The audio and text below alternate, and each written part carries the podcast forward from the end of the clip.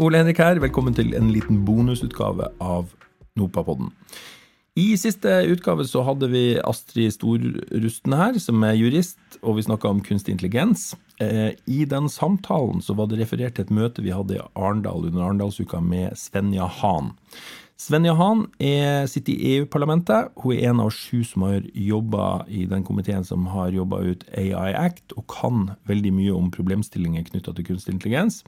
Så det var veldig interessant å høre med henne hvordan de har tenkt, og ikke minst hvordan hun tenker veien videre framover er for det som har med rettigheter og uh, kunstig intelligens å gjøre. Det skal du straks få høre. Uh, jeg skal bare også si at det panelet som vi hadde i uh, Arendal, der Sven Johan også var med, og der vi hadde Erik Solheim fra NRK Beta, vi hadde Morten Gudvin, professor ved Universitetet i Agder, som kan mye om kunstig intelligens, og Franziska Aas, som er eh, opphavsrettjurist, men som også kan veldig mye om EU. Og vi hadde norske politikere. Det ligger på NOPA sin Facebook-side. Eh, sjekk det ut. Eh, tror det gir litt mer innsikt i hva det er vi møter. Og så er det sånn at eh, allerede da, to, to, to, og en halv måned etter det her er tatt opp, så er det så det er vel kanskje ting eh, som vi i forrige episode snakka om, som vi har kanskje kommet litt lenger i, i tanke, tankerekka hvordan, hvordan, veien er for å prøve å sikre noe inntekt tilbake til, til opphaverne for det her. Men i hvert fall, eh, her er det Sven Johan hadde å si. Et litt støyete bakrom eh, på Arendalsuka.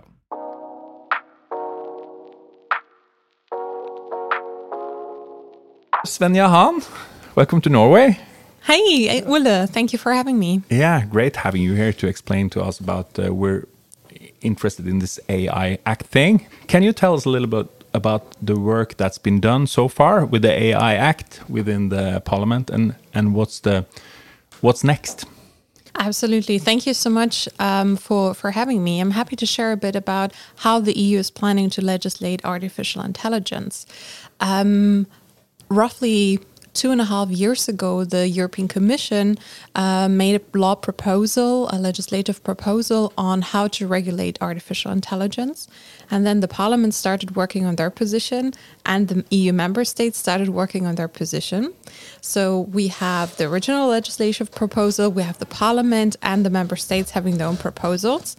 Uh, and now we're in the so-called trialogue, where these three actors are coming together and trying to negotiate to bridge the gaps between their proposals. And we're expecting that the these negotiations goes till the end of 2023, so that we're wrapping up this legislation in this mandate because the next EU elections are in 2024. But what is it actually about? Um, I, I hear that a lot when people hear the EU is going to regulate artificial intelligence. Then people are like, oh, yes, of course. The US uh, and China are inventing and the EU is regulating, you know? And uh, well, you could kind of say a bit, but I see also a lot of potential in AI because um, we need to ask ourselves as liberal democracies, how do we want to use the opportunities we have from AI? And maybe are there opportunities that we do not want to use. So the AI Act is supposed to lay a foundation of how we as society want to use artificial intelligence. So it's not going to regulate all the AI. You know, 99% of AI will not fall under this. You know, simple recommendation algorithm like on your um, music app, you know, the, the worst case that could happen to you is, you know, you're a metal fan and the algorithm is suggesting Swedish Schlager to you, you know, that might be traumatizing on an individual level, Definitely. you know, but it's not a risk to society, you know. Um, but what do we do with general things um, in our society? And I'll give you one example. Uh, we know from China that they're using uh, AI technology to surveillance their citizens. And this is a use of technology that we should not have. So the EU AI Act is looking into not the uh, AI itself, but the use cases. So biometric recognition is the best example. Super easy to unlock my phone but using biometric recognition to surveil uh, citizens and public spaces is a use case that is a threat to democracy. So the AI is looking into use cases of AI and looking into um, having a framework for high risk cases? Is there something we would want to have forbidden, uh, like biometric surveillance? And is there use cases that are high risk that would need a lot of threshold to be used? So that is basically what the AI Act is about. Yeah. I know, uh, but as uh, as a creator, we we uh, we kind of uh, we are among the ninety eight percent that you don't want to regulate. But but uh, is there any discussions about this? Because we are uh, very much concerned about the the um, uh, the training of the models and the transparency. Nobody ever asked for permission, but still it's done. It's everything is scraped, and and there's even in the DSM directive there's we want in our regulations for for our members from co collective societies we want them to be able to opt in instead of opt out your works for analysis uh, but that's not possible uh, due to the, I think it's Article 4 in the DSM directive. Mm. Has this been discussed? Because uh, now we see the strikes in the US, in Hollywood, we see a lot of literature field. Yesterday there was someone on the news in Norway uh, with the translation uh, society um, fighting AI in, in translation. is this anything that's that you are aware of in your work? Uh, I think this is one of the biggest debates that we're having as society right now. Um, how do we deal with AI coming into the creative sector? You know, um, that machines or AI is not only taking over that part of our lives that are difficult and making it easier, but are also in the creative sector. And the situation that we're having is that AI uh, at this moment cannot create new things creativity is a very human thing. So it's a very emotional debate for many people, but it's also a practical debate. You mentioned the, the strikes in Hollywood. Like um, the, the script writers, they're very worried that AI is going to, to write the scripts. Um, a lot of singers I know are, are worried that uh, AI will produce music with their voices. Mm. So I think it is a bit of a philosophical debate as a society do we want creativity coming from humans or do we want it to come from AI? Um, but also remuneration. How are we going to compensate people? Um, how are we handling that? So I think this is a really huge debate that we need to have as a society, politics, industry, but also citizens together. Will there even be an opportunity for new singers coming up? Or would we, you know, hear Tina Turner and Michael Jackson songs remixed forever because we can use the voice with AI to create new songs?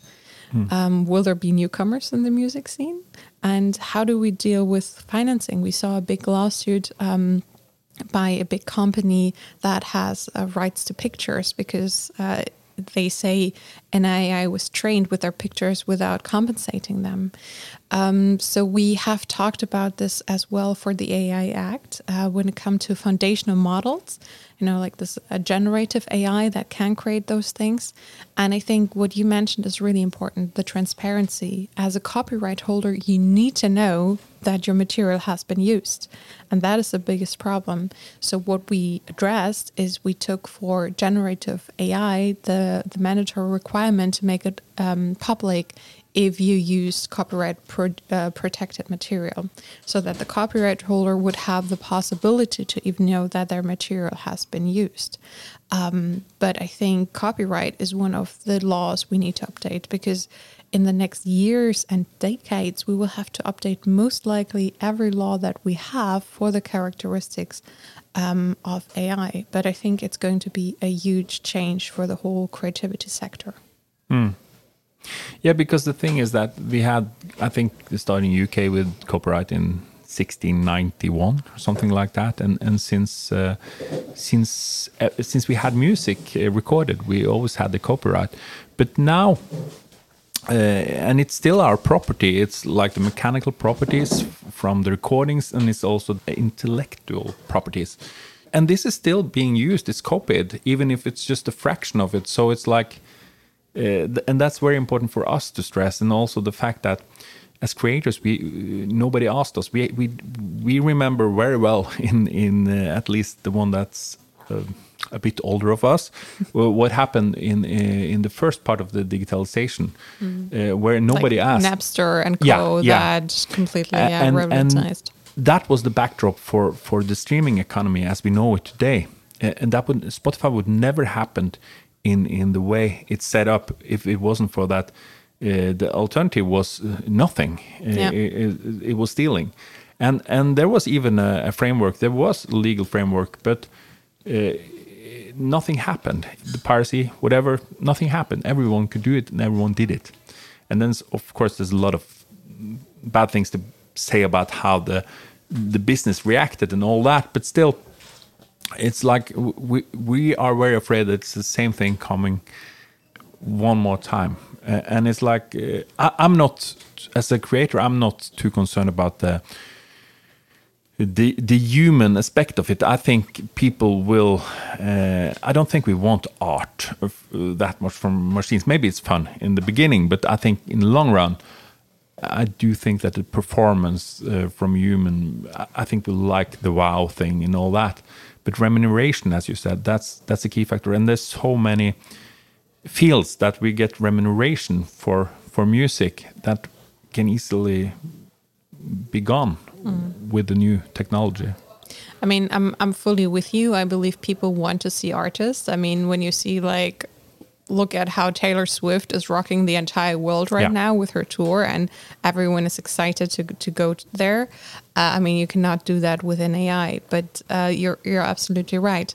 How are we dealing with that? And I think we're we're going to uh, the the creativity sector and especially music industry will be one of those that will change the most. That also has gone through a lot of changes since its existence. Um, so the question is, how are we making it future proof?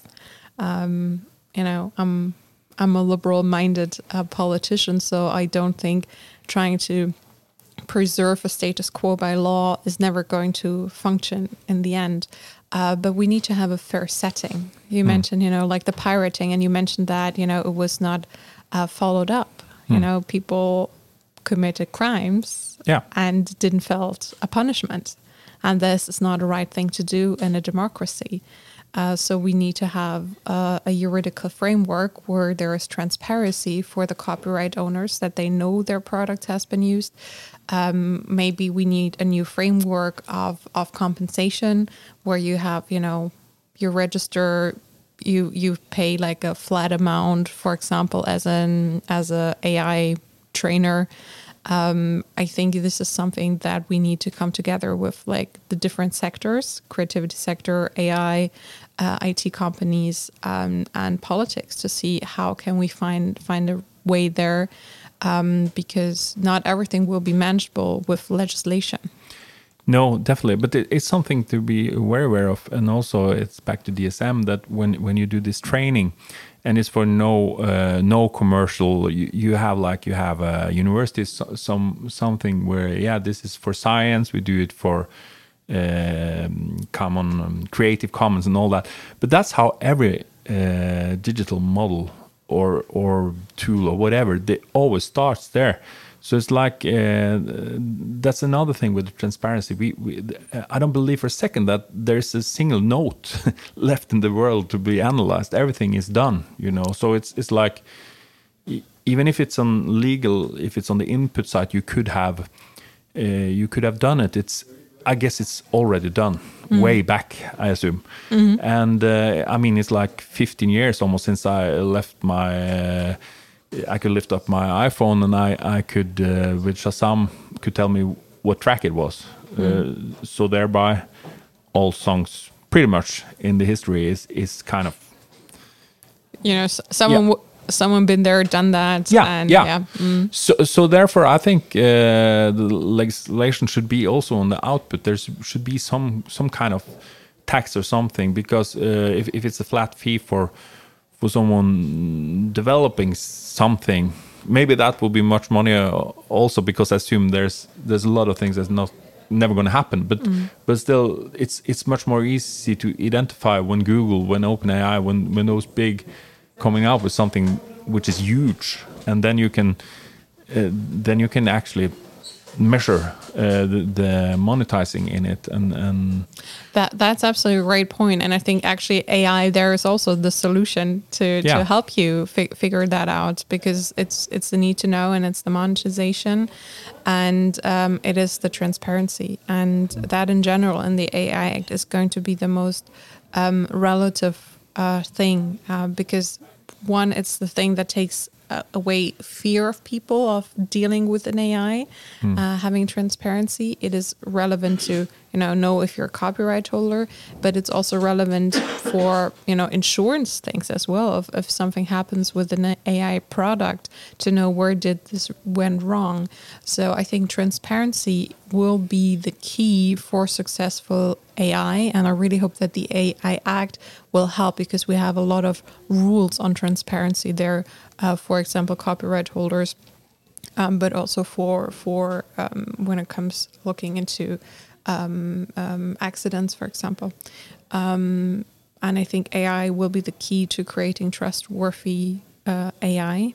Uh, trans- sorry, transparency will be the key to creating trustworthy AI, and I think that can also be a benefit for AI made in Europe that it's specifically transparent and specifically trustworthy um, and will help benefit everyone that is in contact with them because uh, this is the question how do we as a society deal with AI? And, and in my opinion, that means protecting citizens' rights, but that also means creating opportunities for economy, making life easier for people, and it, we cannot allow that new technologies like this and i mean we're, we're talking about ai having an impact as the industrial revolution on our societies on our economies and it needs to have winners on all sides and it cannot be specific sectors you know being on the losing end No, of course.